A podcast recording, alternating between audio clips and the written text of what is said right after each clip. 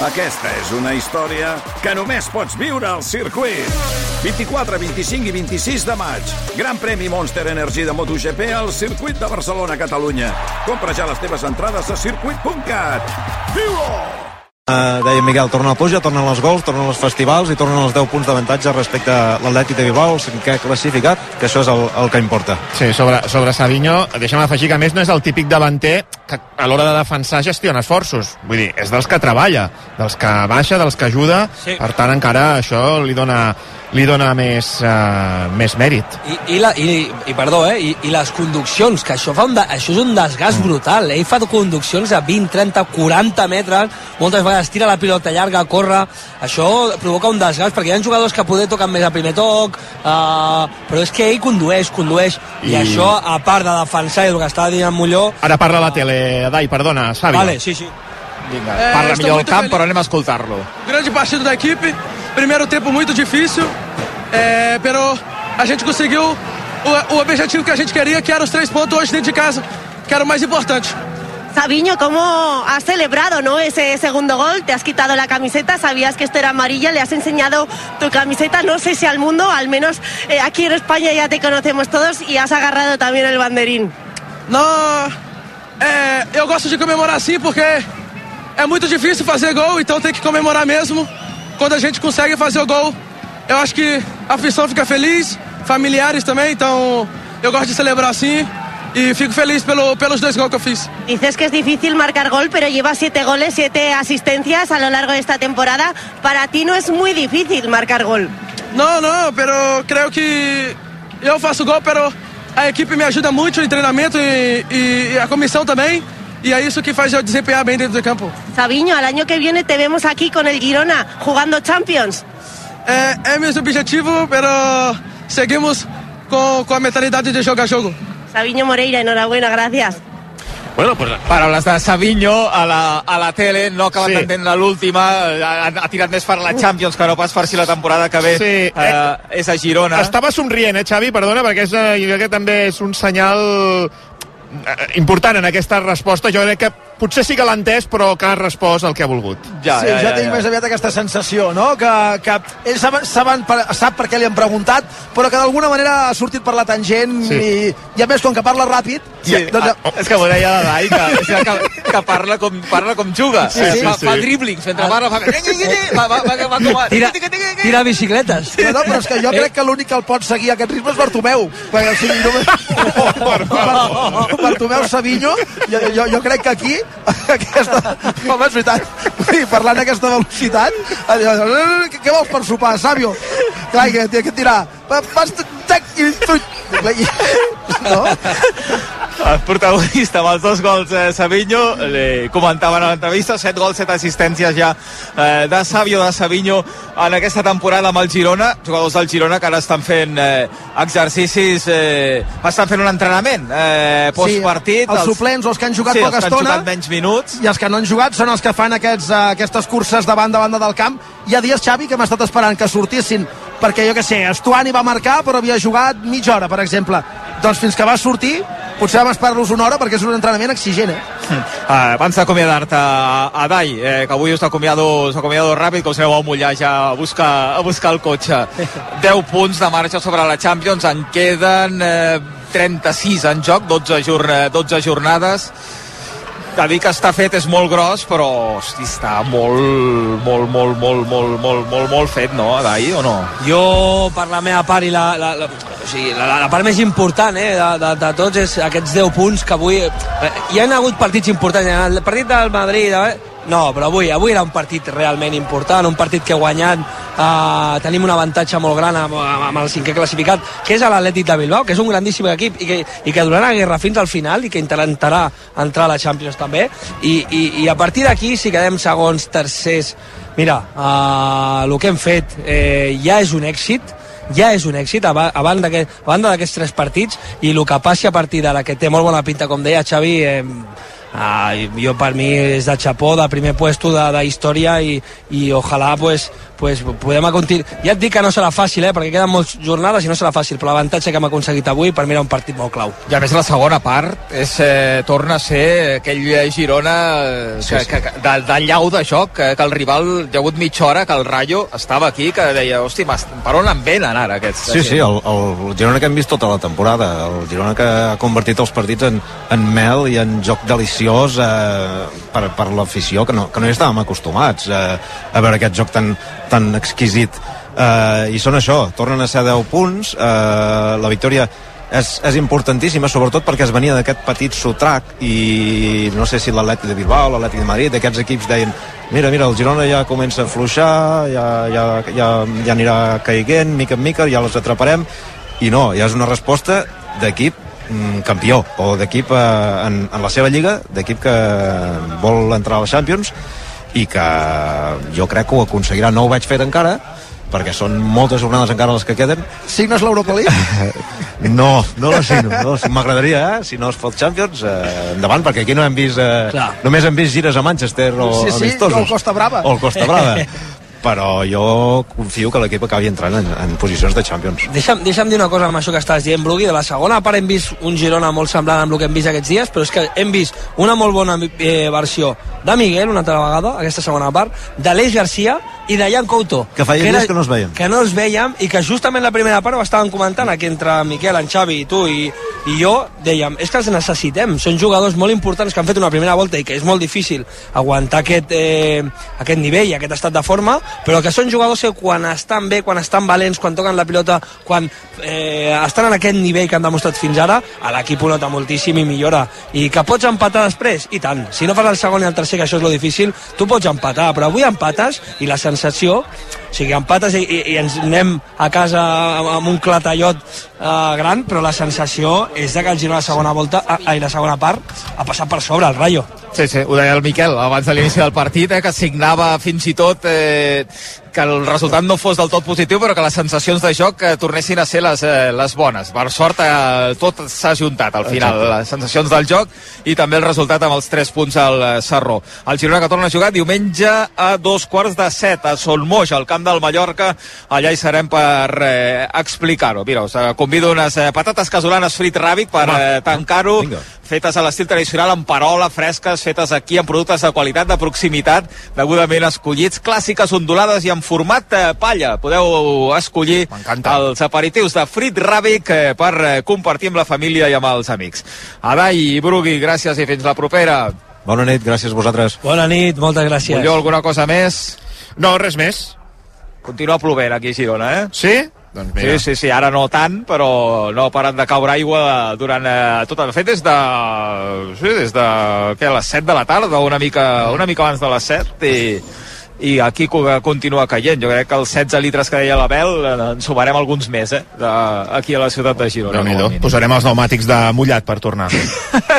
Gràcies, Molló, fins ara. Fins ara. Fem una pausa i arrenca l'Aleix Parisem al Tu diràs fins a la una de la matinada, molt pendents, evidentment, encara del Montilivi, del que pugui explicar Mitchell i els eh, jugadors a la zona mixta. El Girona Juga RAC1 ha estat una gentilesa de CaixaBank i Estrella d'Am. Sols aconseguir podis, és superar-se en cada esclau.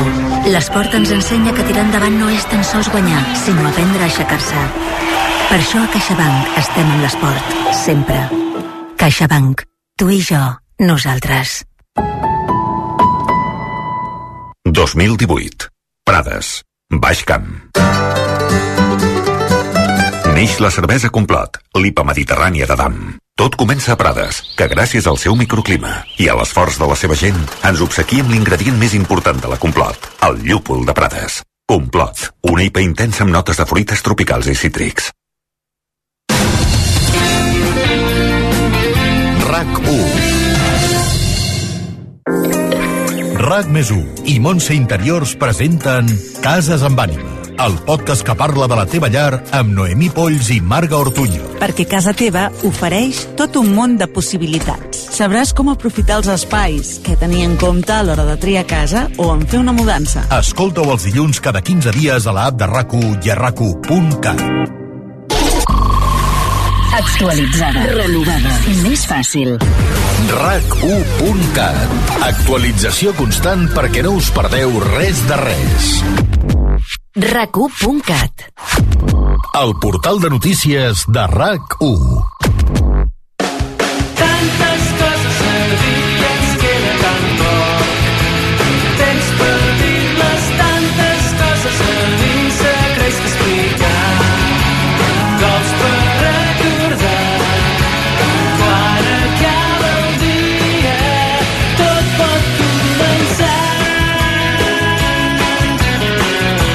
Diràs, amb Aleix Pariser.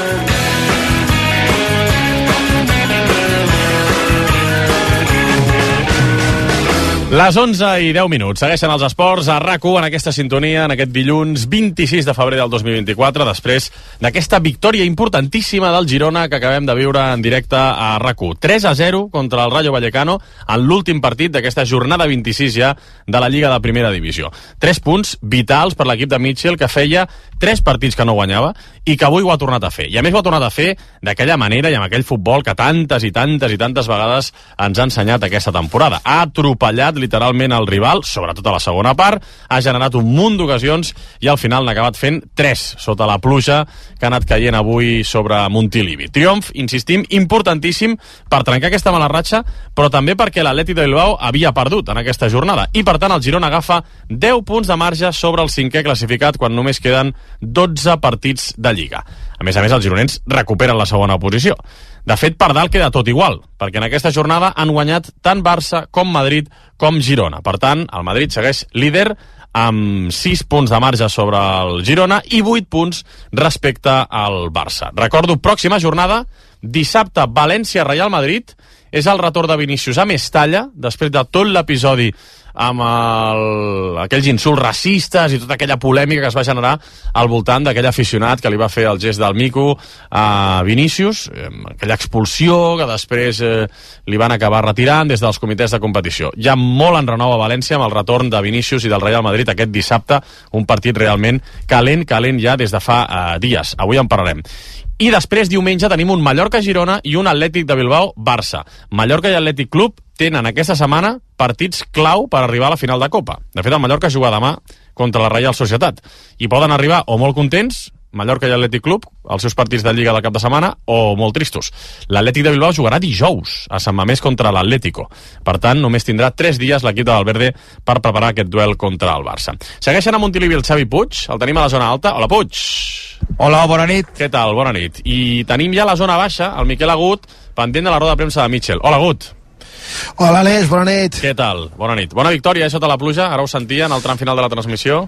Sí, no? i a més el que deia en Puig eh, també, la gespa ha aguantat molt bé, perquè hi ha hagut estones de la nit que ha plogut molt i durant tot el partit ha estat plovent, no era xirimiri, no era un aiguat, tampoc, però és una pluja persistent i la gespa ha aguantat molt bé i el Girona ha ofert una gran versió, sobretot a la segona part, d'aquelles de bassegar el rival i de superar-lo. És un 3 a 0 que s'ha aconseguit amb dos gols al temps afegit, però que podria haver estat un 5 a 0 tranquil·lament o un 3 a 0 al quart d'hora de la segona part i dedicar-te, mai més ben dit, a nedar i guardar la roba. Però bé, al final, una victòria convincent del Girona, que com ara repassaves, torna al segon lloc i que, com hem estat explicant, aconsegueix 10 punts de marge amb l'Atlètic Club de Bilbao, que és el cinquè classificat, que juga Copa entre setmana, que rep el Barça el cap de setmana que ve, i és la millor manera d'anar al camp del Mallorca, un camp difícil, es va demostrar la Copa, aviam si allà també pots aconseguir 3 punts més que t'acostin més a la Champions. Ara són 10 punts sobre el cinquè, quan en queden 32 en joc, això vol dir una tercera part de l'objectiu de la Champions que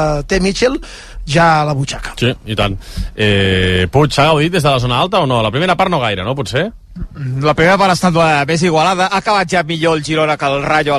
L'últim quart d'hora de la primera part ja ha estat eh, més del Girona, sense molta ocasió de gol, però sí que amb el Rayo ja molt més tancat al, al seu camp i sense gairebé trepitjar eh, el camp rival i a la segona part sí que ha sortit un Girona molt més incisiu. La figura d'Aleix Garcia jo crec que, que en aquest sentit ho exemplifica bastant. A la primera part eh, molt ben tapat pels migcampistes de, del Rayo, amb un home a sobre durant eh, tot el, tota la primera part, però a la segona amb alguna conducció trencant aquesta primera línia de pressió, sent més valent, eh, jo crec que és el que li ha demanat segurament Mitchell, de, de ser més valent en pilota als peus, intentar superar aquesta pressió de, del rival, cosa que la primera part ha fet Eric Garcia, però poca gent més, i hem vist un Girona allò, eh, agressiu en atac, com li agrada a l'entrenador, creant moltes ocasions, aprofitant-ne poques, i per sort al final amb Savinho acabant-ho de, de rematar amb aquest 3 a 0, però la segona part torna a ser una versió del Girona la, la que hem vist eh, durant molts partits a Montilivi i fora de Montilivi. Mm.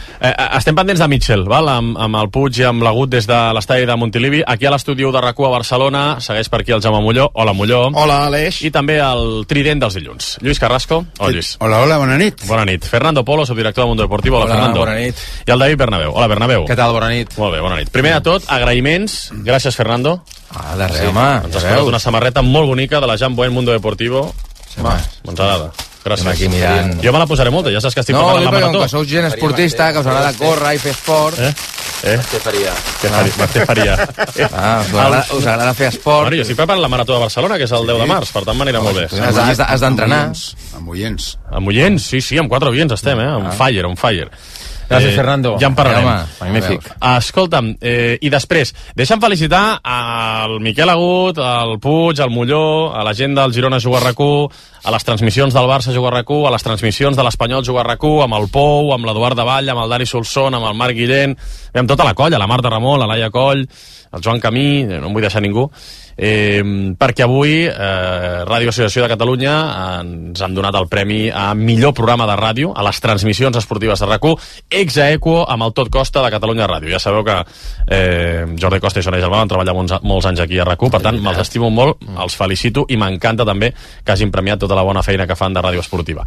Eh, res, he estat a la gala al Palau de la Música Catalana celebrant els 100 anys de ràdio a Catalunya, una gala que ha presentat el Jordi Basté, que estat meravellosa, que ha comptat amb Luis de l'Olmo, Mònica Uh. Terribas, Antoni Bassas, eh, Josep Cuní, eh, Toni Clapés, eh, que hi havia Carles Cuní, ja no em vull deixar ningú. Eh, hi havia tothom, absolutament tothom. Ha estat meravellosa la gala, m'ha encantat, i, i des d'aquí també per la part que ens toca, doncs mira, felicitar els, I tant que sí. a, a tots vosaltres, eh?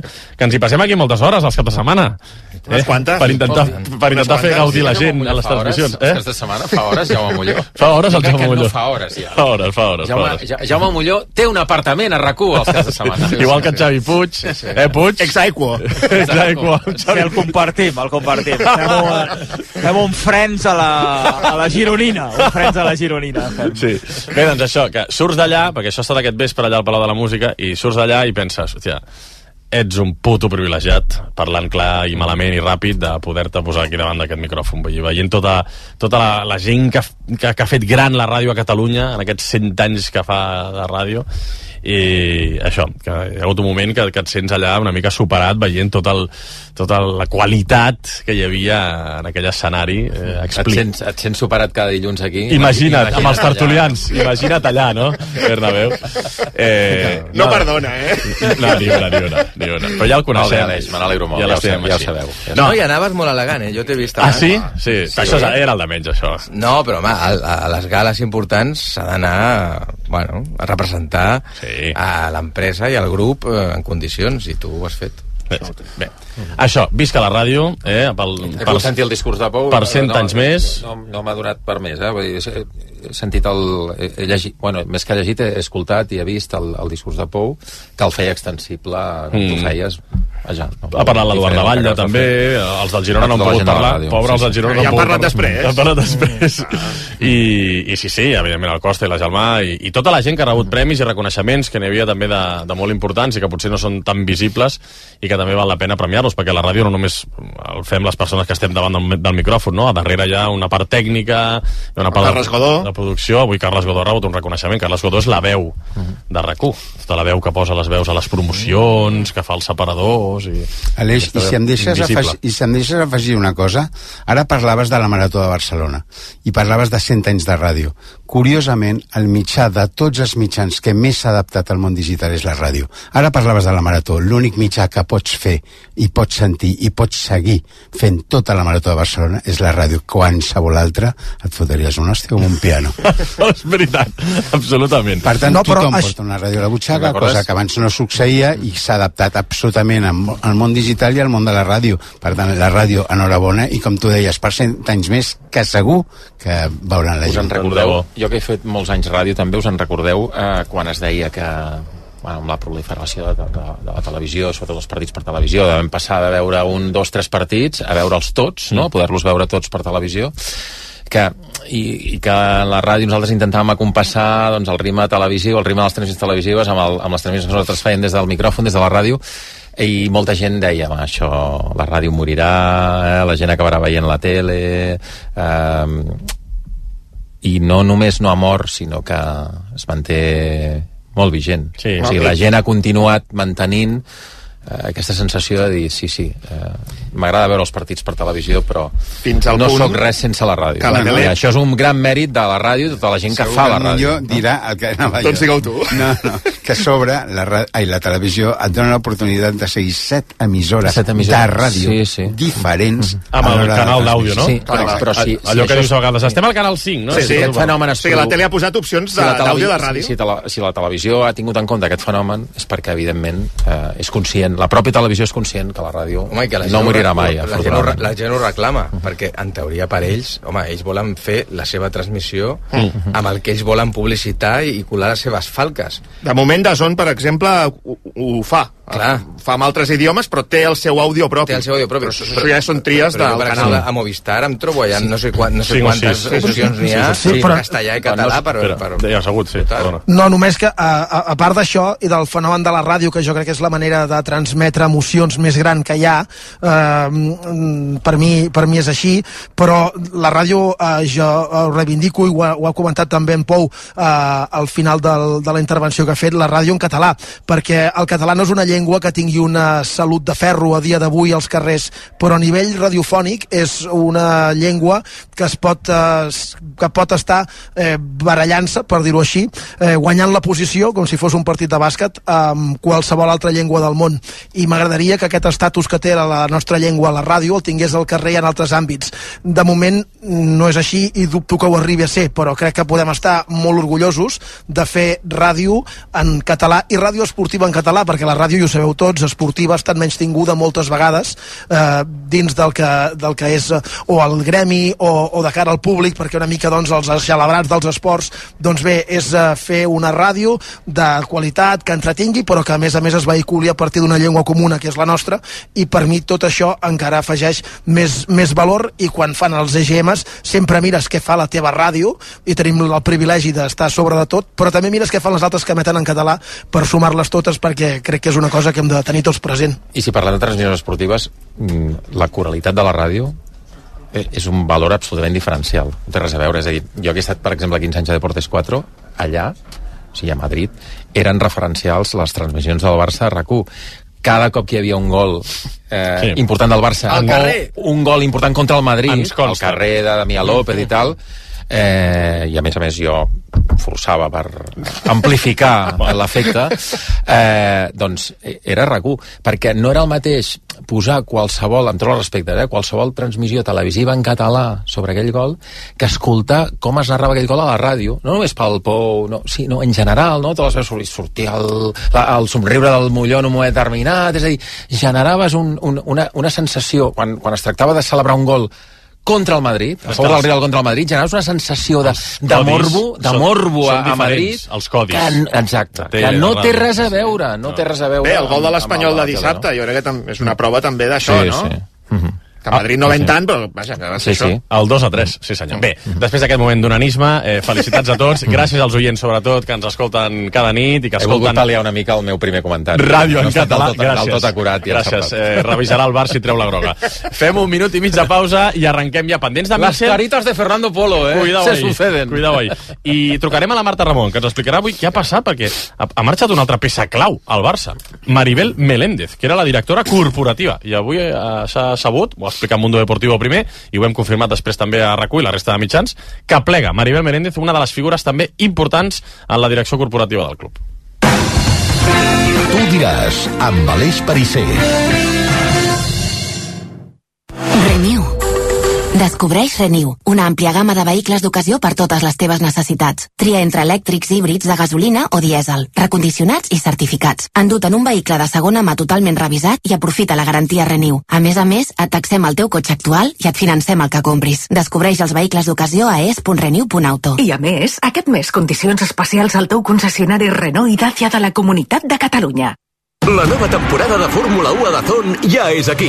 I si ens il·lusiona tant, és perquè la Fórmula 1 ens corre per les venes. Amb Alonso, Sainz i el trio Calavera. Entra a dazón.com i no t'ho perdis des de 19 euros amb 99 al mes. I ara demana un desig. Últimament em demanen molt ser de mi BP perquè així sempre pots tenir a mà la targeta virtual a la teva app Mi BP, consultar els teus saldos, ofertes i promocions... No, si jo ja sóc de BP. Ah, d'acord, doncs llavors no sé què més pots demanar, un cotxe... Si tu també vols demanar un desig, descarrega l'app Mi BP i aconsegueix aquests avantatges i molts més. Bona nit. En el sorteig del cupón diario celebrat avui, el número premiat ha estat 29.763 29763 Sèrie 11 011 Demà, com cada dia, hi haurà un venedor molt a prop teu repartint il·lusió. I ja ho saps, a tots els que jugueu a l'11, ben jugat.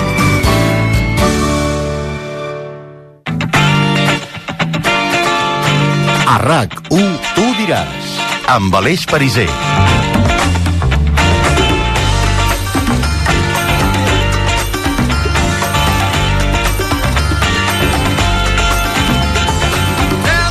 Si necessiteu un bon fitxatge i a més a més estalviar, la solució és Obramat, perquè té mil formes d'ajudar-te amb l'eficiència energètica i estalviar diners i energia. Obramat té els millors materials per a qualsevol tipus d'aïllament, finestres a mida de PVC, que s'ajusten a qualsevol reforma, i tota mena de solucions per instal·lar energia solar fotovoltaica, panells, bateries, inversors i el que calgui. Professionals de la construcció i la reforma, aneu a Obramat.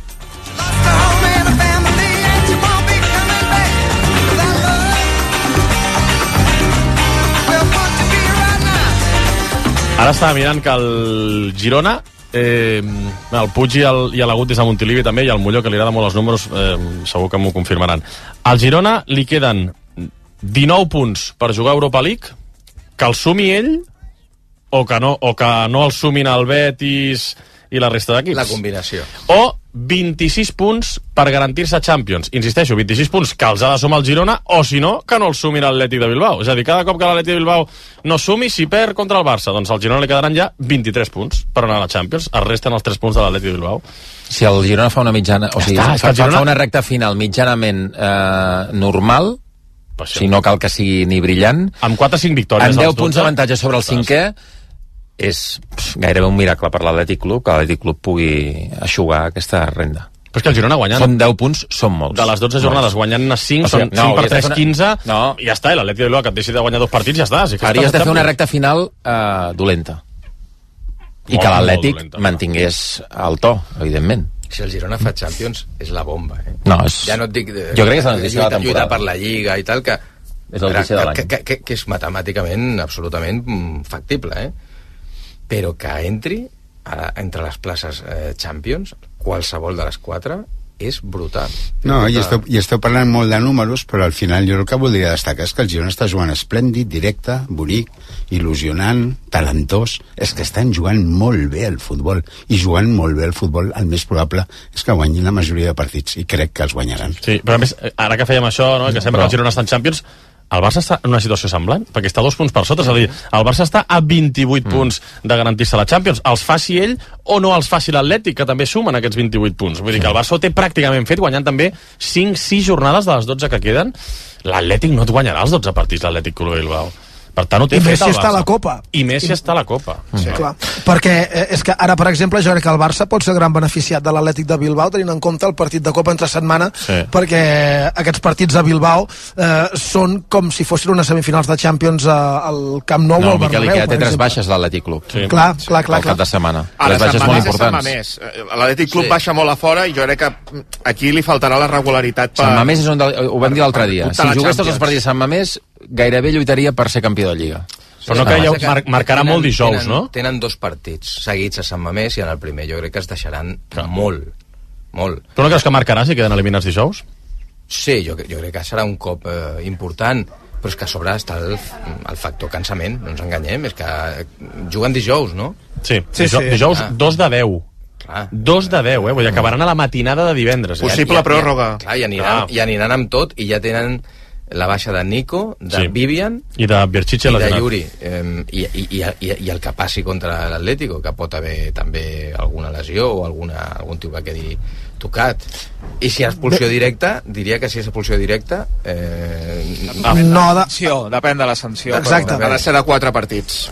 Hauria de fer una Ha de ser barrabassada. una, una, una carnisseria sí. Jo crec que al Barça se li ha posat bé el partit de...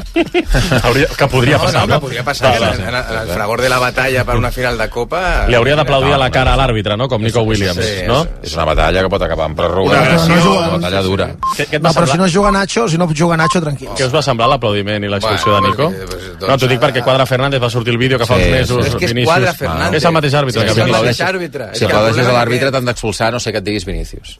Clar, Però jo... Dius Vinícius, igual. Home, és que expulsar Nelson Mandela és complicat Tens... Va, tens... Va, tens... Difícil, eh? És anar Posar contra la ironia. icono i, i clar. Espera, que, que arriba extra, el Mitchell a. A veure, va, que arriba. Arriba el Mitchell. A la sala de premsa. A veure què diu el tècnic del Girona. Escoltarem aquesta roda de premsa després de guanyar 3 a 0 al Rayo Vallecano i de pràcticament garantir-se una plaça Champions. Eh? No està fet, però ho té molt, molt bé el Girona. Estàs calmat? Pots preguntar? Sí? Sí, sí, puc preguntar. Comença. Disculpeu que estava en el fragor del directe. Aviam, va, que començarem. Eh, hola, Michel. Miquel Agut, de directe, tu diràs. Bona nit. Eh, M'agradaria saber, bona nit, amb què et queda. Suposo que tot va unit, no? Però avui el joc i el resultat, no sé què prioritzava, si és que es pot desvincular una cosa de l'altra, però al final ha sortit tot rodó, em fa l'efecte. No, las dos cosas van unidas. eh, queríamos controlar un poco el, el juego, la primera presión de ellos. Creo que hemos encontrado bien el hombre libre, sobre todo ha sido Eric en la primera parte y David en alguna situación. Pero luego nos ha faltado la continuidad. Demasiadas pérdidas por ser demasiado verticales y es verdad que las pérdidas eran en profundidad y hacían que el Rayo no pudiera tener la transición que ellos generan, que, en este caso con De Frutos y Álvaro por bandas, pues te generan mucho. Y luego en el juego de ellos, a nivel defensivo nuestro, creo que la presión ha sido muy buena, porque no han tenido la posibilidad de que el Pacha doble a Álvaro, de que Value doble a De Frutos, el 2 para 2 por fuera creo que lo hemos trabajado muy bien, cosas que queríamos controlar de este partido, las transiciones. No he visto ninguna situación de ellos clara en la primera parte, quiere decir que el equipo ha trabajado muy bien, pero en zona 3 nos ha faltado calma y tranquilidad para ir lado a lado, demasiado verticales. Y la segunda parte creo que mm, hemos comenzado mejor y el gol nos ha dado la tranquilidad esa. Luego la expulsión eh, nos ha calmado a nosotros, pero les ha hecho mejores a ellos en cuanto al juego, porque han controlado un poco más eh, en situaciones de posesión con un hombre menos, pero nosotros hemos trabajado muy bien la recuperación. Y Ángel creo que ha hecho un partidazo a nivel de recuperación de balón. Y hemos podido salir en situaciones de transición donde nosotros con espacio somos también muy buenos, muy buenos. Y eso, bueno, me parece que ha sido un partido muy, muy difícil. El Rayo en las últimas cinco jornadas era el equipo que menos expecting goal en contra había tenido, 0,5 me parece, 0,6. Nosotros hemos generado 1,6, 1,7 me parece, que hemos hecho tres goles además.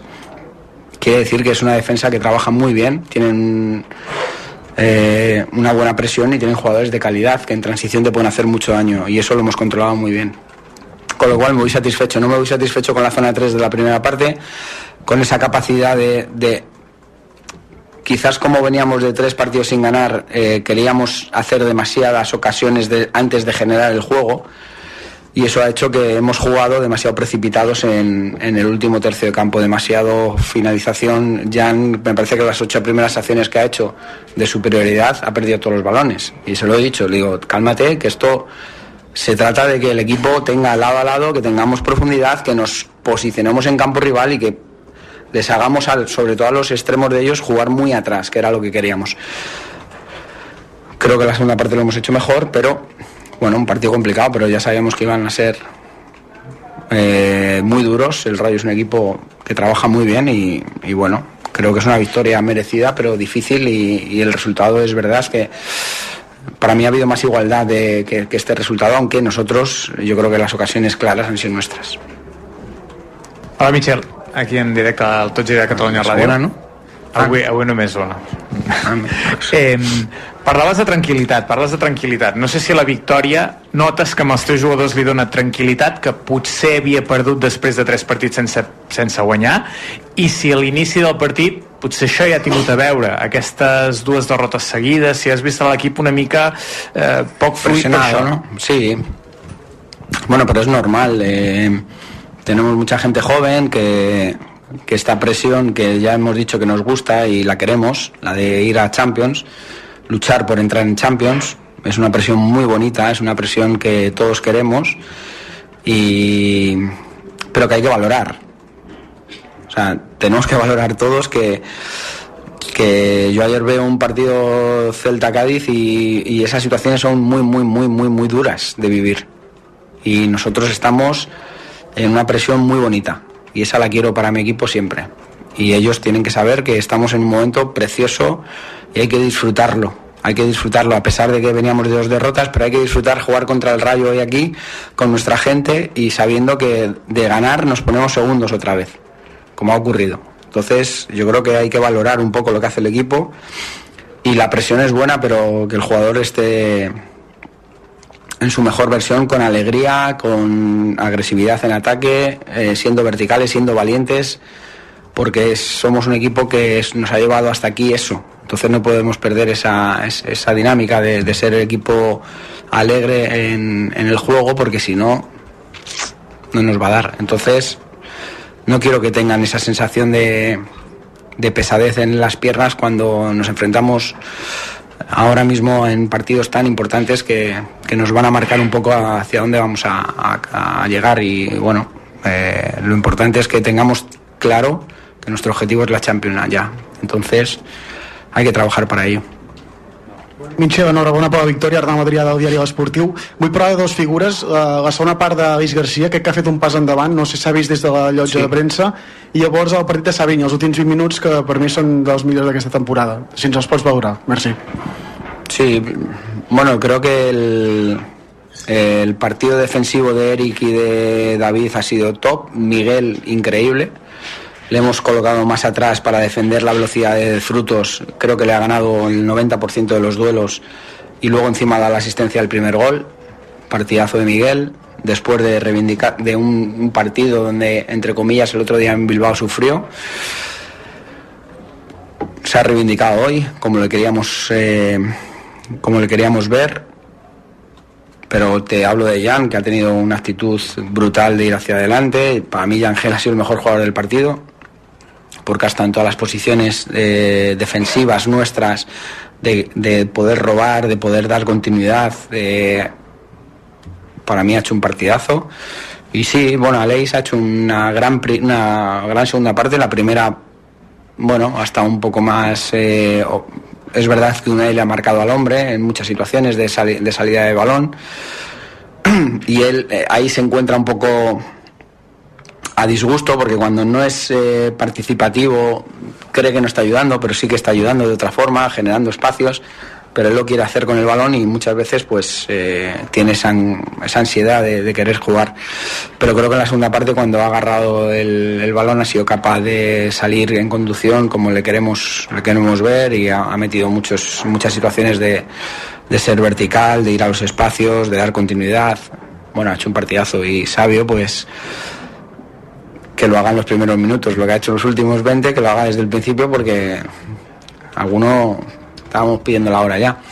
No, bien, es un jugador importantísimo para nosotros y necesitamos la mejor versión de Sabio, pero creo que la mejor eh, versión de Víctor y la mejor versión de Dobic nos hace mejores. La mejor, Portu creo que ha hecho un trabajo excepcional. Bueno, yo es que no quiero resaltar a nadie porque yo creo que todo el equipo tiene buena mentalidad y unos se hacen mejores, hacen mejores a los otros y eso para mí es muy importante. Buenas noches, Michel Joaquín Basigalupo de la cadena COPE. Eh, tener de vuelta a David López te permite soltar un poco más a, a- a Eric en, en creaciones, lo vimos filtrando pases, avanzando mucho más. ¿Tener el soporte de David te permite que Eric participe un poco más filtrando? Bueno, la situación era. les habíamos trabajado en quién, quién podía ser el hombre libre. Y viendo la presión de ellos hemos visto que era Eric, entonces sí que él tenía que, tenía que salir, pero por- luego por momentos eh, tapaban a Eric que tenía que ser David. Entonces eh, los dos tienen mucha personalidad para conducir en situaciones donde a veces son casi último o penúltimo hombre, con la dificultad que eso tiene en la pérdida, la posibilidad de perder el balón pero hemos tenido empaque en esas situaciones. Eh, bueno, la vuelta de David es buena porque genera competencia y hace mejores a los compañeros, pero Juanpe luego ha salido en un momento difícil y ha hecho un gran trabajo. Yo es que quiero valorar a todos los jugadores porque Juan, Juanpe en el, el día del Bernabéu para mí hace muy buen partido, a pesar de, de la derrota, y fue una derrota dura, pero él realmente estuvo muy bien. Entonces, yo no quiero ponerle etiquetas a cada jugador, no, es que con David somos mejores, con Deli Blin somos mejores. Bueno, yo creo que con todo el equipo entrenando bien somos buenos y somos muy buenos cuando todo el equipo está enchufado y eso creo que es clave. Que a lo largo de todo el año hemos necesitado a todos y todos han rendido al, al 200%. Hola, Michel Moisés García de Radio Nacional. Veníais de dos jornadas en las que habíais encajado muchos goles y también se hablaba de fragilidad defensiva. No sé si para ti hoy también, aparte de la victoria, eh, irte con la portería a cero también es una satisfacción. Sí, muy importante. Más, más que la portería cero es, eh, primero, hemos tenido el control de nuestro ataque para que no generen transiciones peligrosas. Y segundo, hemos hecho una muy buena presión a un equipo como el Rayo que es capaz de generarte transición y profundidad.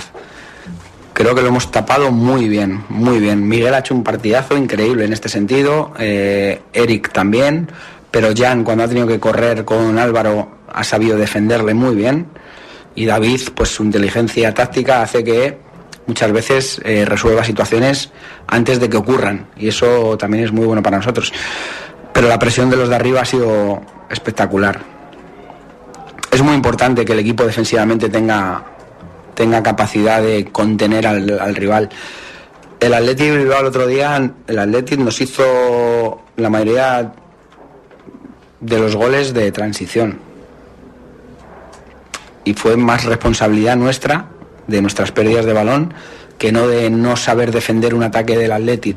Y eso lo habíamos hablado. El Real Madrid, el primer gol viene de una transición. El tercer gol viene de otra transición. Son situaciones que nos han hecho daño. Es verdad que la calidad de estos jugadores hace que te penalicen mucho una pérdida de balón, pero eh, tenemos que saber nuestra estructura fuerte con balón para que eso sea minimizado lo, lo más rápido posible. Tenemos que ser un equipo que con balón tenga la alegría que tenemos, pero que no nos penalice de- demasiado en, en muchos partidos. En Madrid y Barça nos penalizaron bastante. Sí, fem l'última, Tatiana. Hola Michel, felicitats per la victòria. Tatiana Pérez de Diari Gràcies. de Girona. El que deies, no? Torneu a ser segons i deixeu l'Atlètic a 10 punts. No sé si amb els resultats d'aquesta jornada, si heu estat gaire pendents i si pesa menys, no?, la derrota a Sant Mamés. Sí, también somos el, ah, hemos vuelto a ser el equipo más goleador de la liga. Hemos superado al Barça por un gol, que también era, se lo hemos recordado hoy a los jugadores, que somos un equipo eh, que queremos ser protagonistas, que queremos ir a portería rival, eh, que nuestro orden mental del juego es ser, eh, ser protagonistas con el balón y ser ofensivos y, y ser el mejor equipo de la liga en cuanto a goles nos, nos vuelve a hacer felices y eso para mí es, es muy importante. Eh, siempre que perdemos un partido eh, tenemos la sensación del rendimiento del equipo hacia dónde tiene que ir. Yo no me hoy seguramente estaré más contento de la fase defensiva que de la ofensiva. No he visto el partido todavía, pero mi sensación a día de hoy, en estos momentos, es que el equipo ha estado mejor defensivamente que ofensivamente. Solo hemos estado mejor ofensivamente cuando se ha roto el partido y ellos se han quedado con uno menos. En la primera parte hemos estado muy bien defensivamente, pero ofensivamente me ha faltado cosas. Sin embargo, en Bilbao, en Bilbao con el Athletic tengo la sensación de que el equipo cuando atacaba, atacaba bien, pero en muchas fases defensivas de transición no, no ajustamos bien. Entonces, bueno, eh, yo no me quedo con la derrota si me hace más daño o menos, sino me quedo con el rendimiento donde, hacia dónde tenemos que ir para mejorarlo. Y eso, hemos hablado antes de, la portería cero, viene que hemos generado, eh, perdón, que un equipo como el Rayo nos ha generado, yo creo que dos, tres situaciones un poco peligrosas, pero creo que no ha tenido ocasiones de gol y eso para mí es súper importante. Sí, estem. Pues, gràcies a nit. Doncs sí, estem. Bona nit, gràcies. Mitchell s'ha canviat, per cert, que s'ha mullat i s'ha canviat eh, perquè, tot i que en Brugui digués que no es mullava perquè l'àrea tècnica queda coberta per la tribuna, no és veritat, i en Mitchell s'ha canviat avui perquè estava a xop després de l'aiguat a Girona. En tot cas, mm, en primer lloc, quan l'equip guanya és mèrit dels jugadors, perquè els elogia tots i ho fa sense cap problema. Quan l'equip perd, ho vam escoltar a Bilbao eh, la setmana passada, és culpa seva. És el que fa Mitchell sempre després dels partits. Fins ara, evidentment, ha hagut d'elogiar molt més els jugadors i això sempre és positiu pels resultats de, de l'equip. Ha reconegut que estaven una mica tensos al principi perquè venien de dues derrotes i un empat i volien guanyar tan aviat com fos. Ha remarcat que els agrada l'objectiu de la Champions i la pressió que això representa per aconseguir-lo perquè ha comparat la situació del Girona amb el que podia viure el Cádiz i el Celta en el partit d'ahir i ha recordat, ara al final en aquesta última resposta ho explicava, als jugadors que el Girona era el màxim golejador abans d'aquesta jornada i que havia deixat de ser-ho i que volia que tornessin a tenir aquests guarismes i que l'equip ho ha entès i ho han fet. Ara el Girona torna a ser l'equip que ha fet més gols de la Lliga. Sí senyor, 57 gols a favor al Girona, 56 per un de diferència al Barça, 54 al Madrid. Molt bé, Miquel, diumenge que ve més al camp del Mallorca, a veure si es treu l'espina de la Copa a Son Moix, al Girona. Aviam, tant de bo sigui el cas, el Mallorca que tampoc no està per tirar coets, que està vivint una situació una mica complicada.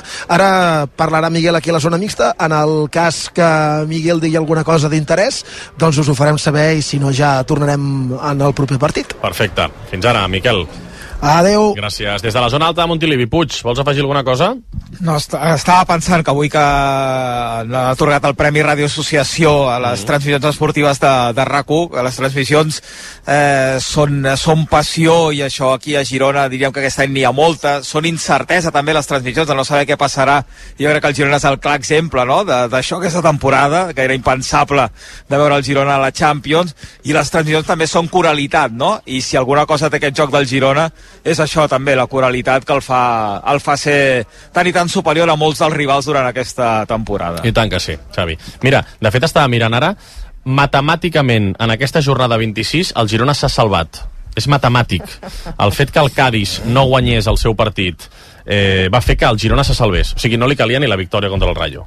L'empat del Cádiz ja Ara salvava... entenc aquesta celebració tan gran que hi ha hagut avui a Montilivi. Ah, sí? Ara, ara Sí, sí. l'entenc. És matemàtic, això. és matemàtic això. Sí, sí, Doncs sí. escolta'm, si el Cádiz hagués guanyat, avui el Girona estava obligat a guanyar el Xavi, Rayo. i fas bé d'en fotre tant de l'Aleix, perquè aquest comentari és, és, in, eh, vamos, és Ah, indignant. bueno, sí, sí.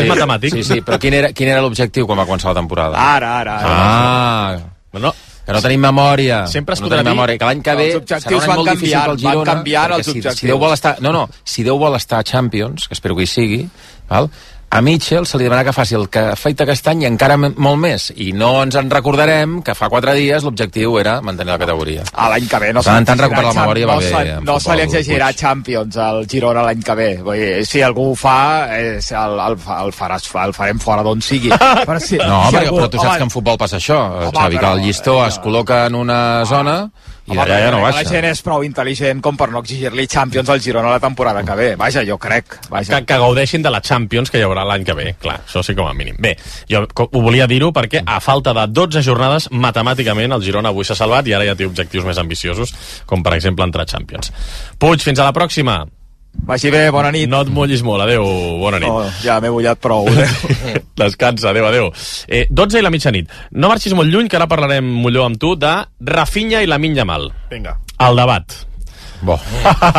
Potser és fàcil, però com a mínim... El Mola, mola amb- bastant aquest Amb debat. alguns números sobre la taula. Mola Fem una bastant. pausa i de seguida també truquem a la Marta Ramon que ens expliqui què ha passat avui a Can Barça, que ha plegat la directora corporativa. RAC 1 Vine a provar la nova Honda Hornet al teu concessionari oficial Honda i després prova d'oblidar-la. Spoiler, no podràs. Pel seu motor, agilitat, potència... Però tranquil, a Honda t'oferirem les millors condicions perquè sigui teva.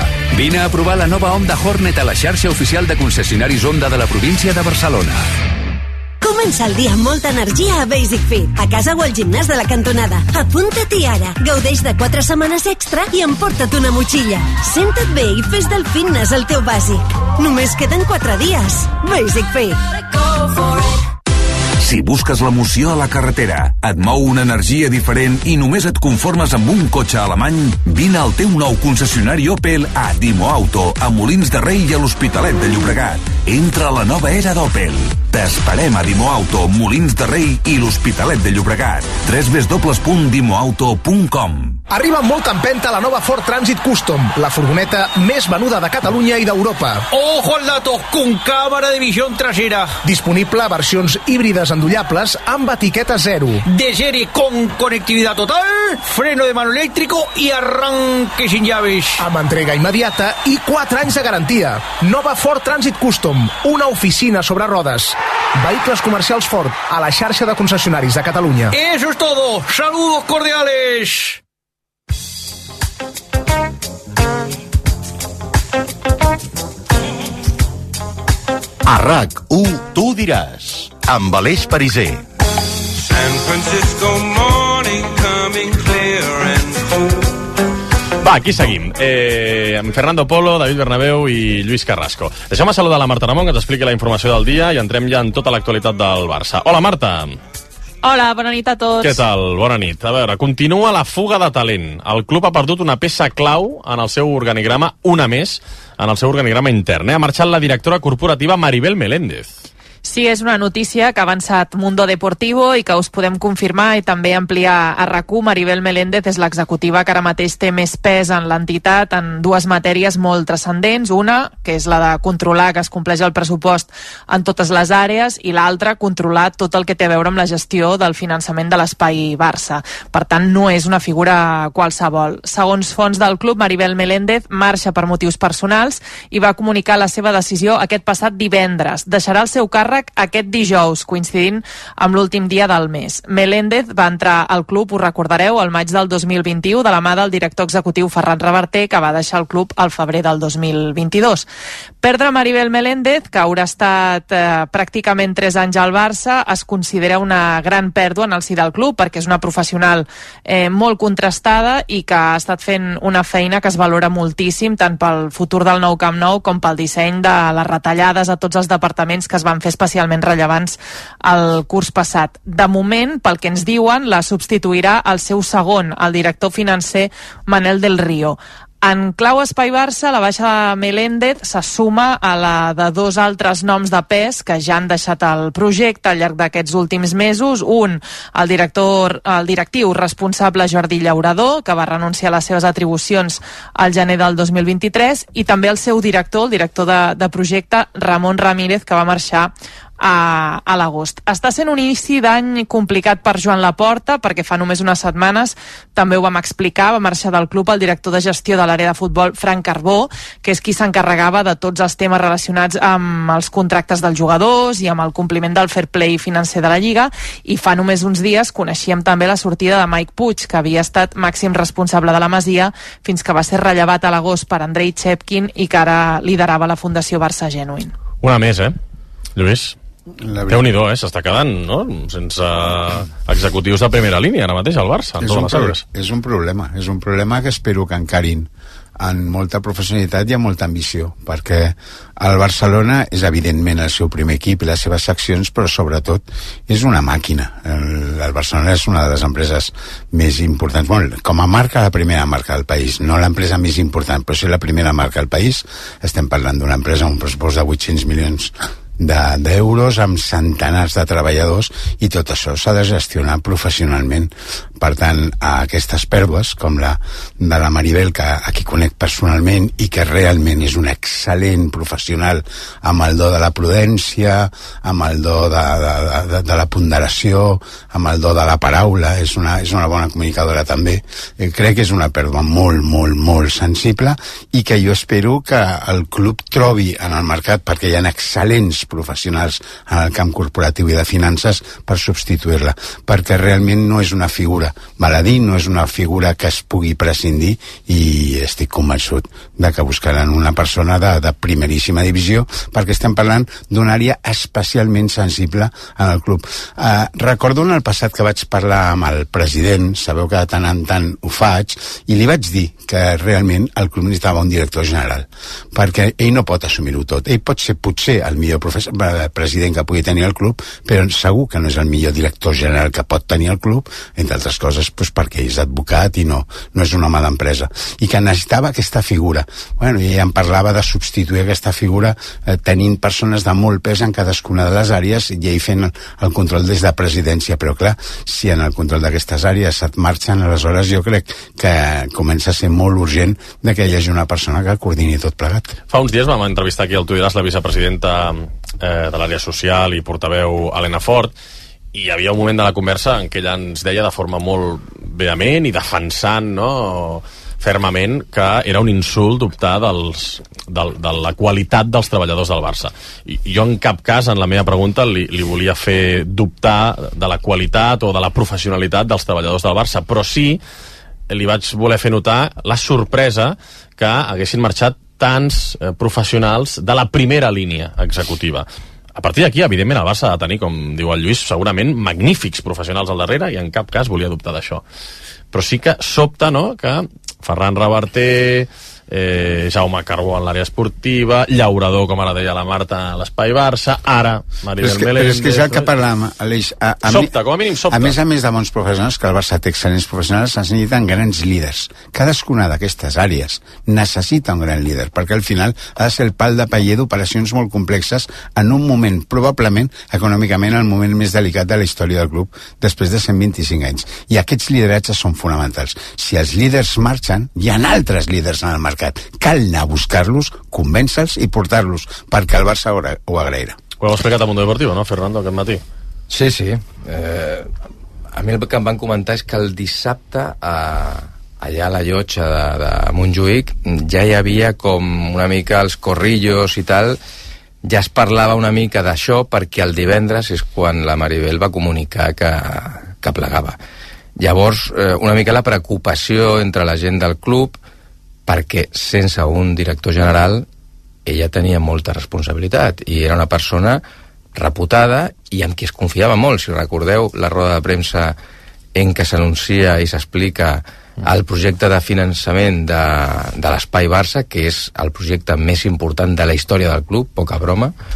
Va compareixer ella, sí. Clar, ella, el president va començar, va presentar una mica l'acord, però els detalls li va donar la paraula al vicepresident econòmic, com no pot ser d'una altra forma, l'Eduard Romeu, però amb ella estava eh, la Maribel Meléndez, i era ella la que mm, responia unes quantes Río preguntes, també, no? i del dos. també, el financer, però sobretot les preguntes anaven per Romeu, però hi havia molts cops que Romeu delegava amb ella La consultava. i que ella també apostillava coses que, que, que deia Romeu i que ella li afegia més informació perquè ella ho tenia tot al cap perquè havia participat d'aquesta negociació amb tota la gent que, que havia conformat aquell, eh, bueno, aquell finançament que ha de portar a terme la, la, la, el projecte més bèstia de la història de, de l'entitat, no? I se la veia, com deia el Lluís, doncs, una persona preparada, que coneixia molt bé tot el que tocava, que coneixia el club al detall, i que en aquest cas de l'Espai Barça, doncs, eh, per ella passava tot el, el, el que comporta això, mm, perquè havia estat en tot el meollo i, i ho coneixia molt bé. Jo crec que és un cop dur, el que passa que quan et diuen que el motiu és que són temes personals, aquí no pots eh, entrar perquè evidentment Perquè, cadascú... tothom, tothom, tothom que ha marxat i És que marxa és veritat, parla però- personals perquè no vol explicar David, segurament jo, la jo en veritat aquest de cas, les seves eh, decisions. És possible que sigui això, eh? però clar, eh, quan et diuen això pot, pots eh, Mhm, aduir sí, sí. i pots eh, qüestionar poc, perquè els tem la, la, el concepte personals sí, sí. inclou eh, esferes de la vida privada que, que si algú no vol explicar, doncs tu no tens per què furgar. Ara que parlem de calés, no sé si heu comprat el cupon de la 11, però espera, que hem d'escoltar n'hi ha estat el número i ara li dono la paraula al Bernabéu. A veure... Tu diràs, amb Aleix Parisser. Bona nit. En el sorteig del migdia de l'11 d'avui, la data guanyadora ha estat... El 23 d'octubre del 2007. I el número de la sort, el... 8. Recorda que demà, com cada divendres, tens un pot milionari en el sorteig de l'Eurojackpot de l'11. I ja ho saps, a tots els que jugueu a l'11, ben jugat.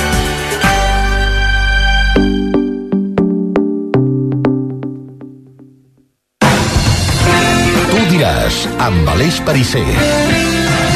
Molta sort i felicitats si us ha tocat, i si no, demà més. Bernabéu, a veure, tenies tu la paraula. Sí, no, aviam, eh, parlaves abans de l'Helena Fort, que jo a vegades li dic sovint, s'ho pren ella tot com un insult, però ella també ha de recordar, primer... No, tampoc serà això. No, però vull dir que s'ho pren a vegades a, a pit, si li dius, si li fas alguna crítica, i primer ella ha d'entendre que ella quan era fora del club també era crítica, especialment, amb les coses que passaven dins del club amb tota la llibertat del món i doncs, per tant, primer Sí. el que ha d'entendre ara és que des de fora hi hagi persones que siguin eh, especialment crítiques també en la gestió del que ell considera del que, ell, del que ella naturalment considera el seu president no?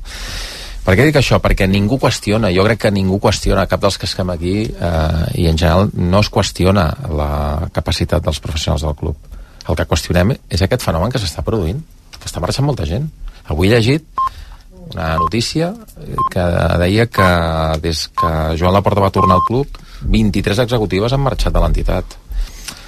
Ostres, és un número molt elevat. I han passat coses inversemblants. Per exemple, una de les persones de les quals parlava la Marta Ramon és en Jordi Llaurador que era el cap de... o sigui, era el directiu responsable de l'Espai Barça. No va arribar ni a votar quan va sortir l'IMAC. Va dimitir abans de votar. Portava poc temps al club. Molt poc temps, d'això ja fa bastant et preguntes per què? A mi m'agradaria, sincerament... Entenc, No, bàsicament entenc perquè és veritat que és una persona que ve del món sí. de la construcció sí. i, i que sap de què va ja, però, una mica la història. Com a directiu, Et fa pensar. responsable Et fa de- pensar, clar. de l'Espai Barça... Sobretot quan no hi ha explicacions, hi ha- perquè si tu no de l'escoltes i li fa una roda de premsa o entrevistes i li pots preguntar per què, potser té unes eh, explicacions Tu ara- plausibles. Tu Però ara clar, parlaves, si no es parla... Se'n va anar Ferran Reverte. A tots més o menys han explicat els motius pels quals se'n va anar Ferran Reverte. Ells no, ell no, no els ha explicat, però Ferran Reverte el va presentar en el seu dia, després d'una conferència sensacional que va fer a l'Auditori Sí, sí. 1899, el va presentar Joan Laporta com el Messi, Messi dels, de, de, dels despatxos. Dels CEOs, sí. Llavors, va durar ben poc. Eh, a mi m'agradaria que alguna de les persones amb responsabilitat del club que Jo no sé, perdó, els un, últims un incís mesos- mínim, i, i no sé si estaràs d'acord, crec que sí. Si el Messi dels despatxos va ser el que va pensar que el millor pel Barça era No, tre no, no. treure el Messi Sí, sí. de la gespa, Sí. Mm, Perdó, Sí, però sí, sí. potser era el Messi del Media Market, eh? Sí. No, i, i, i, i, i tothom parla molt bé d'ell, eh? Però aquella decisió... Ja, mm, bueno, però... Ja, sí, sí, no sé, eh? Sí, segurament és així, no, però... no, al Messi no li va malament després. Sí, però, però, el, però el president és el primer que va sortir a dir que el Barça no estava... O sigui, estava per damunt de tot, fins i tot del Sí, però, millor jugador però el president en campanya re- recorda que ell no, no estava per no renovar Messi. Al, algú... Jo, però, bueno, és igual, el Ah, que vull igual. dir, és el que vull dir Sí. que m'agradaria, jo estava acabant, m'agradaria, no, no, sí, segurament podríem, podríem o sigui, portaríem a Van Reverter aquí RAC1 i discutiríem coses sobre el club amb els quals igual no estaríem d'acord. Jo, per exemple, si ell va defensar, que em consta que així era, que Messi no podia seguir el club, doncs jo segurament el rebatria. El rebatria perquè, uh -huh. per mi, i amb això estic d'acord eh, amb el Víctor Font quan ho diu, per mi és el principal error d'aquest mandat.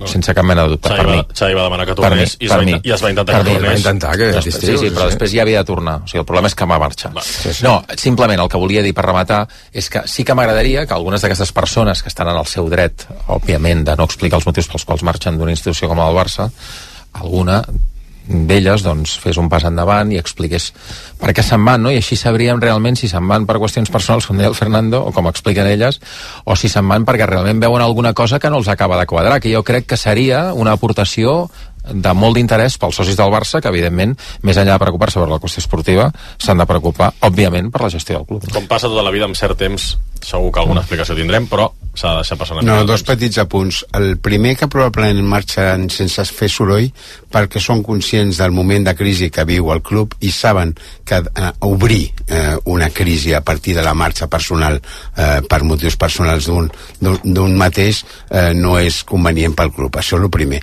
I respecte a lo de Messi, jo crec que revertir al final el que no va entendre el club és el, el Barça i el futbol en general és una empresa molt particular. Perquè ha d'obeir a interessos financers lògicament s'ha d'aguantar la màquina ha d'aguantar també els interessos esportius. Si tens un, un equip top eh, aquest equip top ha de guanyar títols i després hi ha una part emocional. I dins de la part emocional que el tenen tots els clubs el Barça el té especialment eh, capital. I, i jo crec que revertir això no va entendre. La, la part de Messi, a part de la part esportiva si tenia 34 anys en aquell moment eh, si havia de continuar, si no havia de continuar si era rendible, no era rendible. Primer que a nivell de rendibilitat segur que era rendible, s'ha demostrat posteriorment, però sobretot era el pal de paller de qualsevol projecte, inclús del projecte de traspàs de l'equip anterior, de l'anterior Dream Team, a un nou projecte eh, capitanejat per, per Xavi. Per tant, per tot plegat sí que és un error que ha fet molt mal i que encara arrosseguem a l'entitat. Fernando, no, la part mira, esportiva, va. un, un, només un, una, un- bueno, un, un- una petita reflexió que és que jo entenc que sempre que hi ha un canvi de directiva, amb aquest canvi de directiva eh, has de portar els teus càrrecs de confiança. Mm. Jo ho entenc. Això passa a totes les famílies. Això passa a tot arreu i, i, ho, i ho entenc. El que passa... Han d'estar a la directiva, Fernando. No. No, però vull dir, i, i és normal que es passi una a la mica el rasclet en el sentit de dir, bueno, perquè jo posar els meus de confiança, altres que eren de confiança de l'altra directiva, i si a més a més una pregunta només una cosa. Tu creus que es fa, tot, tot aquest trasbàs, que es fan tot, eh? O sigui, Sí, sí, tothom. Tu creus que es fa en termes, és a dir, els criteris són professionals o els criteris Per són... això, aquí anava, aquí anava. Per exemple, club, aquest clar, estiu, no aquest estiu club, quan es clar, treu Mike eh, Puig, quan es treu Mike es Puig de la Masia, aquest estiu, quan es treu Mike Puig de màxim responsable de la Masia i es posa Andrei Chepkin, Mm. a quines raons cre creieu que obeeix això? Perquè, clar, mm, Ah. en, en aquest cas, Mike Puig sí que era de la confiança de, de, de la porta, perquè ja havia estat en el seu anterior mandat. Dirigia la, dirigia la Masia i de cop i volta el relleven i posen Andrei Chepkin. Bueno, i quan estava Xavi Martín, Sorprenent. Marta, què?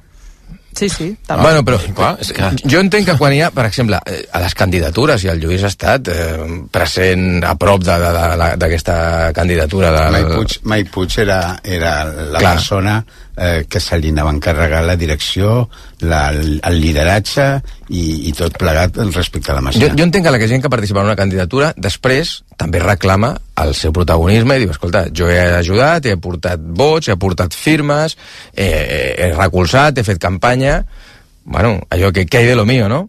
I això passa, això passa, perquè sem sempre ha passat. Jo el que dic és que tu, els càrrecs de confiança, que són uns quants, és normal que treguis els que hi havia abans i posis els teus.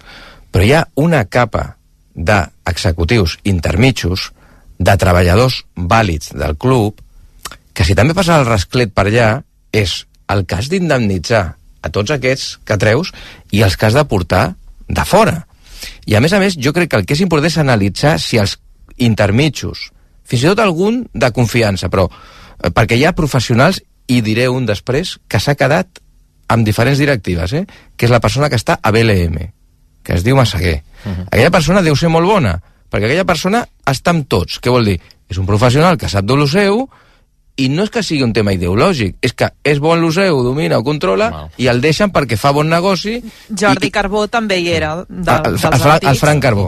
No? Sí, exacte. Frank Carbó, Frank Carbó hi era i, i, i es va mantenir fins Clar. que ell decideix marxar a Aràbia perquè té una oferta més bona. I el que vull dir és que el tema ideològic, tu has de, hi ha un moment que has de frenar-ho. I el nom bé, Josep Maria Massaguer. Sí, sí, sí. sí. No, No, no, no, i, i el que vull dir és que... altre, Josep Vives.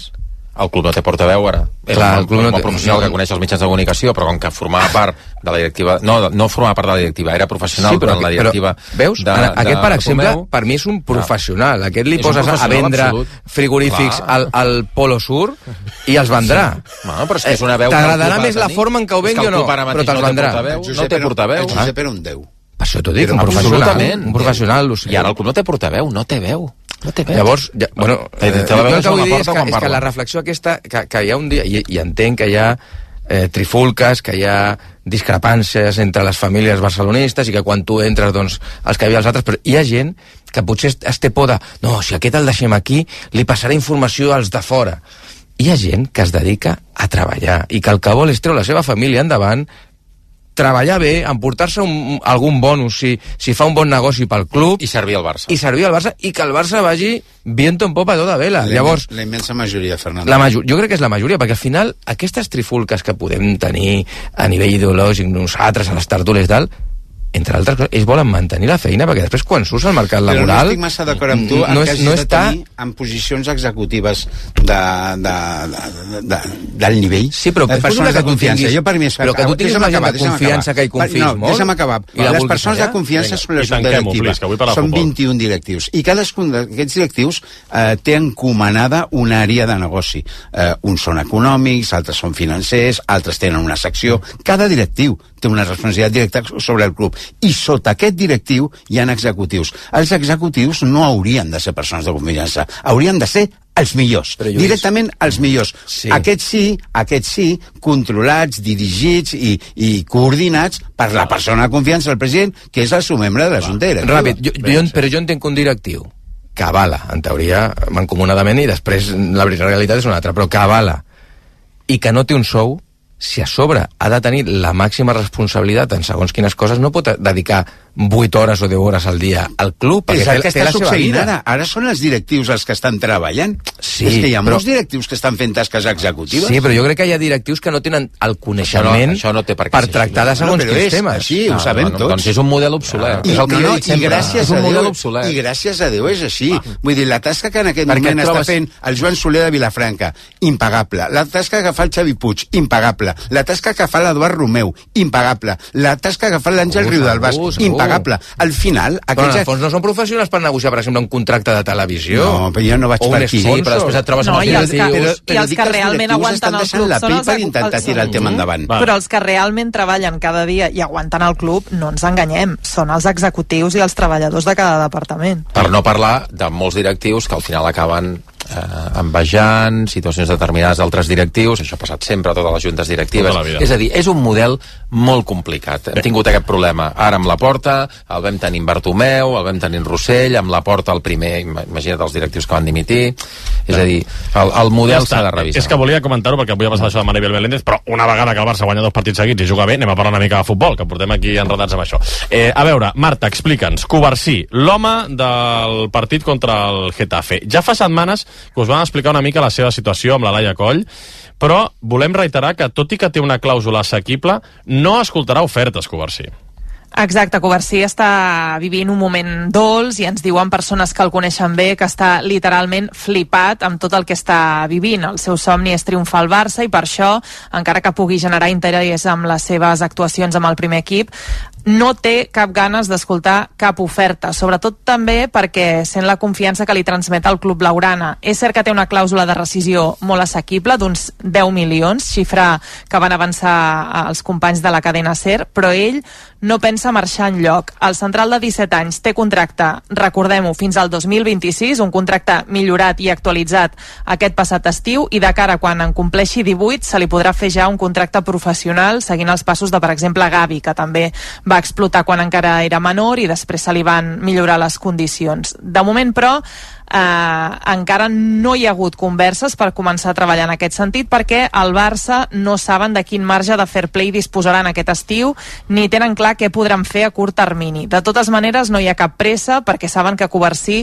no contempla sortir amb molta confiança mútua entre les dues parts. L'explosió del central ha agafat per sorpresa a tothom, no cal dir-ho, perquè si bé és eh, cert, si bé és veritat que aquest estiu ja comptaven des del cos tècnic que aniria pujant amb el primer equip, està tenint un rendiment per sobre de les expectatives i mm, la lectura que es fa és que la crisi esportiva ha fet que, que Xavi es recolzés molt en el planter i Covarsí ha respost amb, amb escreix, rebentant absolutament tot el que es podia esperar d'ell. Va, però insistim, eh? clàusula baixa, però el jugador està supercontent i evidentment Molt compromès. no, no, no escoltarà cap mena de- d'oferta que quedi clar i expliquem així una mica i reiterem la, la situació en la que es troba aquest central que ens ha sorprès a tots.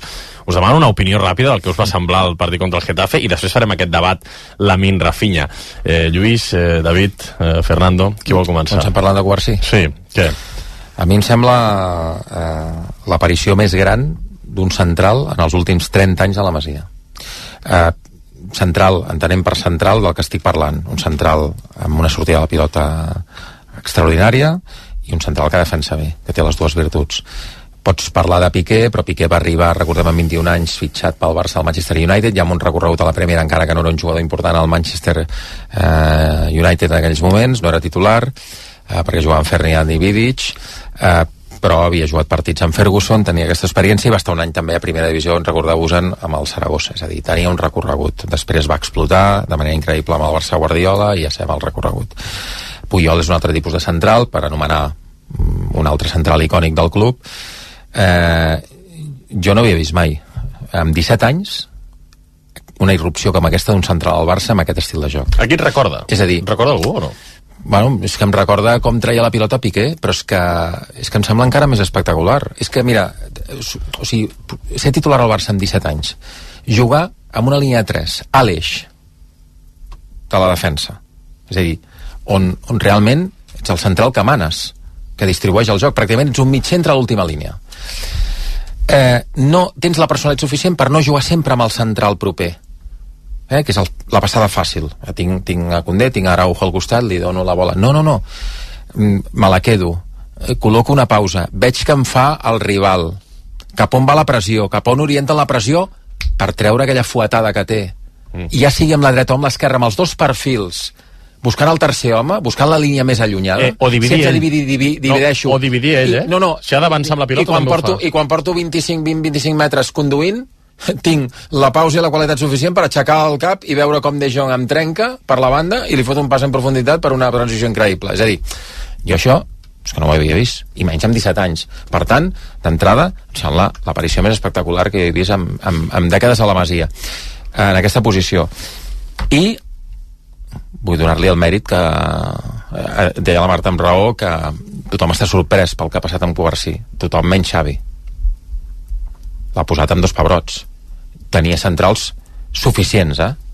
suficients és creure en una idea i posar-lo i posar-lo amb 17 anys crec que porta 6 partits dels últims 7 com a titular mm. o sigui que no és allò de dir el poso uns minutets de qualitat després, no, no, no, li Ah. dono continuïtat A la Lliga ho ha jugat... i que, la, eh, l'altre dia et surti amb aquella, amb, tot, amb aquella pràcticament. contundència davant del micròfon i l'entrenador del Barça et digui que és el, clar, que el posa perquè és el central ara mateix que té l'equip amb millor sortida de pilota o sigui que mèrit a l'entrenador i mèrit a aquest nano que per mi ara mateix és que és que és titular és que et genera moltíssim futbol moltíssim futbol Els més joves estan pintant la cara. Els més veterans i els que haurien de tirar del carro. Estan tirant els joves del carro.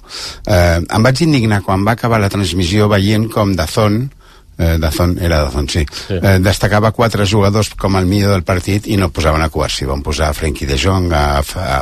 L'MVP li dona a Rafinha, crec. Sí, li dona a Rafinha i crec que també van posar a Joao Fèlix, no sé qui més. Eh, Covarsí va estar senzillament impecable. I no només va estar impecable en defensa sinó que és el generador de dos dels quatre gols. Està impecable i amb el 100% d'encert durant tot el partit en anticipació. En l'1 contra 1, no li va marxar ningú. Va guanyar tots els duels. Amb la passada entre línies amb la, amb la sortida de pilota, amb les cobertures en tot, va fer un partit de 10. Ara deies, a qui et recorda? La veritat és que ningú, és que amb 17 anys jo no he vist un, com deia el David, jo no he vist un central així, ni en el Barça ni en cap altre equip. El que passa que és una posició que necessita, ara parlaven de lideratges en l'equip executiu, i caldrà veure quin caràcter té. Sembla que pot ser a sobre, pot ser un líder, perquè és una persona que no s'arronsa, que no s'arruga, que no li impressionen els escenaris, i en aquest moment només puc dir que el vaig notar molt a falta a, a, en el Diego Armando Maradona, en l'estadi del Nàpols. Sí? Tu, tu l'haguessis posat allà? Jo l'hauria posat. Que ara estic veient que, eh, recordeu, també. debuta, bé, debuta la Copa al camp de la Universitat de Salamanca uns minuts, perquè a la mitja Sí. part es fa mal... Eh, no sé si es lesiona algun central, ara no recordo qui, però es lesiona... Íñigo, no? Que Íñigo, reapareixia? Sí. Íñigo que reapareixia, Sí, no? es lesiona per mi, els Íñigo, minuts que el sí. clonen, No, no, però- però, però- és, és, és Sant Mamés. Sí, però debuta- sortir Sant Mamés i jugar d'aquella manera... debuta a la Lliga al camp del Betis, en el 2 a Increïble. 4, que acaba amb rampa, recordeu? Del, Mhm. No sé si dels nervis o de què, que juga de titular, és el seu primer I partit. encara amb 16 anys. Clar, imagina't, sí, sí. El dia vint- següent va fer els 17, Però el no? primer Sí. partit sense cap errada Sí. va, ser, va ser aquest, dissabte, aquest diumenge, eh? aquest dissabte. Sí. Mira, a mi em sembla un jugador d'aquells diferents, especials, perquè amb la pilota als peus va sobrat. Mm, o sigui, veu les línies de passada que altres no veuen i és molt jove, eh, acaba de fer els 17 anys, i té bona planta, és un tio que jo crec que, que encara es farà més fort i, i això per un defensa és important. M'encanta com intenta anticipar per alt amb davanters potents i es penja de la, gep, de, de, de, de la gepa de l'altre i no li fa por ni li fa cap tipus de complexa anar amb tot amb el cos que té i que encara millorarà i l'únic dubte no dubte, però sí que crec que ara venen quatre partits d'aquells grossos si vols cinc també amb el del Nàpols i a mi m'agradaria veure'l.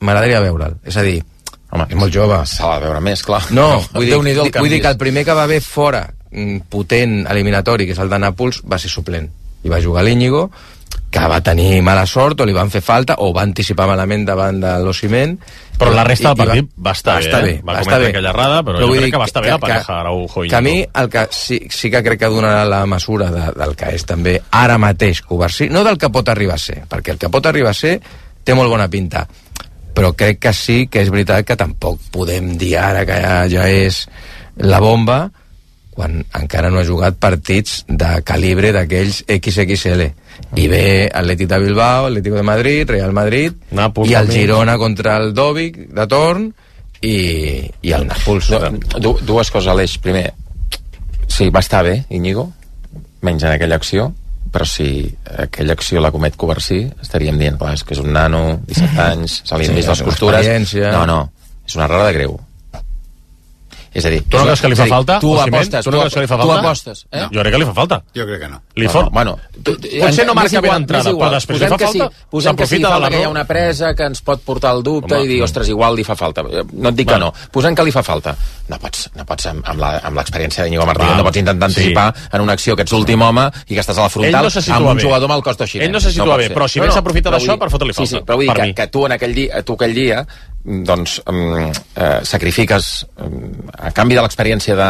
Sí, sí. o sigui, Sí, sacrifiques sí. la joventut de Covarsí, la qualitat de, de Covarsí per l'experiència d'Iñigo, que és un bon jugador, Perquè no et bon faci jugador, això. que té bona sortida Ja. de pilota també, eh, perquè no et faci això, i t'ho fa. O sigui, si ho hagués fet el nano, igual, igual no, no, no diré l'estem matant, però hagués rebut la crítica pròpia d'un nano que, que és jove, etc. no?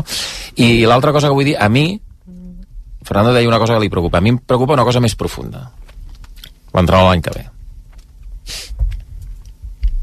O sigui, amb aquest, tipus, pues, doncs, que amb aquest tipus de futbolistes, amb aquests tipus de futbolistes que són joves, en el cas de Covarsí, que és un jugador molt específic per una idea de futbol molt clara, que no vingui algú a il·luminar-ne, a, a il·luminar-nos, eh, i dir, no, és que, clar, Bueno, mira, comencem perquè... Hem aplicar matisos, perquè, Íñigo- clar, aquest nano és molt Escolta, jove, Íñigo, de moment, no, està No. inscrit per l'any que No, que s'ha de creure molt sí, això. sí. Comencem per això. Bueno, Íñigo, ni- de ni- moment... ni- Només demano que portem algú que hi cregui en això. Però jo crec que I que tot- no malbarati aquest tresor que tenim, que és la Masia, que està traient les castanyes al foc, com deia en Lluís, però que vingui algú que hi cregui. Sí, però ja crides que al mal només per això jo penso que Xavi temps, hauria de seguir. Crides al mal temps abans de que arribi No, no, és que jo crec la que només- depressió. jo crec que per això- Jo crec que tots això, els entrenadors... Jo crec que Xavi tots ja els, hauria de seguir com a tots els entrenador del entrenadors Barça del món... bastants anys més. Jo crec que tots els entrenadors del món ja han descobert a, el Pau Covarsí. Tampoc l'han protegit. Tots, Clar, tots. clar. Vingui qui vingui, Bueno. jo crec que han lluernat absolutament el món del No, futbol això espero, mundial. això espero. I, No, no, i, es, I es parla en aquests termes en tota la premsa europea, ja de Covarsí. Sí, sí. I Per tant, després- jo crec que en aquest sentit no hi ha perill. I després, més enllà No cridem al mal temps perquè crec que aquesta borrasca no vindrà. No, i que, i que després el Barça, econòmicament, Però, Lluís, això, haurà, això haurà de això tirar de la que masia, dius, econòmicament, això el que Barça. dius, Sí, però jo crec que i em poso Bueno, el primer, bueno, eh? ja ho veurem, això. tenim una miqueta a- la tendència de fer ombliguismo, és a dir, nosaltres veiem aquest jugador que però és un partit ara contra el Getafe, espectacular, tal, no sé què, però no vull dir noms, eh? però et ve un entrenador d'aquells consagrats i diu a mi m'agrada aquest jugador i potser m'agrada més Araujo i el Christensen que jo el conec del Chelsea i el xaval Comença a jugar minutets. clar, que, que, Ah, que, que, que, que, és que ha que- demostrat ara amb una mica de continuïtat que té molt bona pinta li talles una mica la progressió. Tampoc crec que passaria res perquè té molt de futbol per endavant i molts anys, però sí que és veritat que jo el que crec és que quan tu trobes actual la tenies lliga clar, no, que, que tu quan trobes una perla i no ho han protegit. l'has d'aprofitar i ja cuidar-la i, identificar-la molt bé i dir, escolta aquests ja, estructuralment els hi donaré bola. I l'entrenador que vingui que s'hi adapti. Tu no veus que això el club ho tindrà en compte? però és que, ja, mira, és que depèn, de, els entrenadors són molt seus. Si, Però no, et, si et ve, no patim tu imagina, tu, et ve un Tuchel és o et ve un- Flick és i un- aquests, és un jugador unànimament tenen, descobert. No patiu, fums, no patiu també. per un problema que no existirà, Bueno, sisplau. bueno, però- Tant de bo, tant de bo, tant de bo. Eh, tant de bo, però- Marta, Però no gràcies. estem parlant del Fermín López, si l'utilitzaran o no per la seva forma de rompre en el, segon, en el mig camp. No, estem parlant d'un no central d'una seguretat de 100%. El Xavi que no té 17 anys. És molt, és molt Segur- fàcil. Esteu És fent molt- una miqueta de tribuneros. No, eh? és no, no, no, no, no, no, Marta, una abraçada. Adéu, gràcies, Marta. Bona nit a tots. Adéu. Hola, Saperes. que tempo no ho permeti, això. Val, gràcies. Hola, Saperes, eh? Què tal? Bona nit. Vinga, fem ta- canvi a la taula. Eh, ja avançaré. Aquest debat no, no l'avancem. Potser el farem, però de moment no l'avancem. No? Estic amb el Lluís. No, no No, l'avancem. està bé, a la gent li agrada, també. eh? No, ara farem una altra la debat. curva. Però quan... La gent pensa que... Va llançada. Sí, sí, exacte, és un debat que tens sobre la taula. Ah. Sí, però quan arribi... que aposta per això, No, que no, hi no serà l'any que ve. existeix aquest debat, Però David, dona, encara. dona, no Lluís, existeix. Hi ha un entrenador... Ja esteu veient el got Perdona, mig, Hi ha un entrenador que aposta decididament per això, com ningú, Sí. com ningú... I potser el nou també. Ningú, I potser el nou també. Això està per veure. Això està per Està veure. per veure, ja ho farem. Això està per veure. Ja ho farem, el debat, Això clar. està per veure. També que Estem buscant problemes on no n'hi ha ja de en aquest forma eh, moment. preventiva. Sí. Això està per veure. No, no, quan, quan sapiguem el nom del nou no entrenador o, o el, el nou projecte direm, hòstia, i si no aposta... A veure quin debat obres ara. Jo Perquè el, aplaudiré, el que jo obres aplaudiré. ara, Jo aplaudiré. jo, Jo aplaudiré. per golejada. Ah, sí? Jo aplaudiré. Bueno, Vinga. Sí, vinga ja fora. basta. A veure. Home, Doncs- 020 0024, es pot dir, home. Escolta, tu. Hi haurà revisió del bar, aquí. Tant, tant si ve Home, Flick com si ve. Arteta, eh, confiaran en ell. Sí, sí, o, o qui vingui, qui vingui. Com, o... com si ve Z... Arteta. Ah, Arteta. Arteta o Flick. Arteta. Mira, Arteta... Arteta que es preocupi de passar els quarts. Sí, perquè el Porto... Eh? Contra, eh, contra el Porto que dèieu que era una banda. Vinga, Tot sigui dit de pas. Anem passant factures. Ara vés, No, no, imprimint. no, en Anem a parlar de, de Rafinha i de Lamin. Mollo, que t'has estat mirant números d'aquesta banda dreta del Barça. Sí, sobretot he mirat què ha passat quan coincideixen els dos, és a dir, quan els dos estan disponibles, què ha fet Xavi Hernández en els partits en què podia posar un o l'altre Ha passat molt? a la banda dreta. Mira, ha passat en 24 dels 38 partits oficials d'aquesta temporada. La Yamal s'ha perdut dos partits eh, per sanció a la Copa i Rafinha s'ha perdut dos partits per sanció a la Lliga i 11 partits per lesió. Dels 24 partits en què els dos jugadors han estat disponibles, en 12 Xavi ha triat Rafinha i en 7 el tècnic s'ha decantat per Lamin Yamal. I els altres? En el Barça-Sevilla és l'únic partit de la temporada en què els dos van ser titulars, Rafinha d'interior i Lamin Yamal d'extrem, i en quatre partits cap dels dos van ser titulars, tot i estar disponibles. És a dir, dos van començar el partit a la Però banqueta. llavors, clar, què va provar? O pot ser o Ferran per la dreta, Sí, o Ferran a Cancelo... la dreta i Joao a l'esquerra. O Cancelo d'extrem, algun dia havia provat, sí, recordo, també, sí, no? Sí, sí, Va, sí, va, sí, va, va. malauradament aquesta, sí, sí, aquesta, aquesta opció la va provar. sí. Rafinha havia jugat per l'esquerra quan hi havia Dembélé i Dembélé volia jugar per la dreta. Sí. Rafinha va jugar per l'esquerra i no sempre ho va fer malament. També vull dir-ho. No. Rafinha per l'esquerra a cama natural, és a dir, no a cama canviada, també em sembla una bona opció. Quatre xifres, Aleix? Sí, a veure. Rafinha, 5 gols, 7 assistències. Lamin Yamal, 5 gols, 5 assistències. Parlo de totes les competicions, eh? Per exemple, Rafinha, 5 gols en 55 rematades. Lamin, 5 gols en 62 rematades, és a dir, molt semblant. 24 rematades de les 55 entre els tres pals de Rafinha. En canvi, Lamin, 19 de 62. Aquí perd el percentatge. Un al pal de Rafinha, 5 al pal de la Yamal. Ha tingut una Ostres. mica de, Sí, mala de mala llet. Ha jugat 800 minuts més Lamin que Rafinha, significatiu, i eh, el ràtio de gol per minut, Rafinha un gol cada 227 minuts, Lamin Yamal un gol cada 387 minuts. Estan allí, estan allà els dos. Una cosa, el, el, els xuts entre pals, comptes els pals? No. No, no es No. compten estadísticament. Ah, no, no. no, no, no, no és una cosa No, meva, no, jo els no. comptaria. Ho sé, inclús, però inclús jo hi ha grans comptaria. ocasions que no van ni entre pals, però que ho, Sí. hauríem de considerar grans ocasions si tu estàs davant Sí, del no, porter no, i la no, falles. I és la part que a un jugador jove més li costa millorar molt els números de rendibilitat de cara a porteria. O et dius Messi o tots, i, i tindríem molts exemples de grans golejadors de la història, començant per Raúl González, que van tenir moltes dificultats al principi i que no, no és fàcil. Entrar en la dinàmica del gol no és fàcil.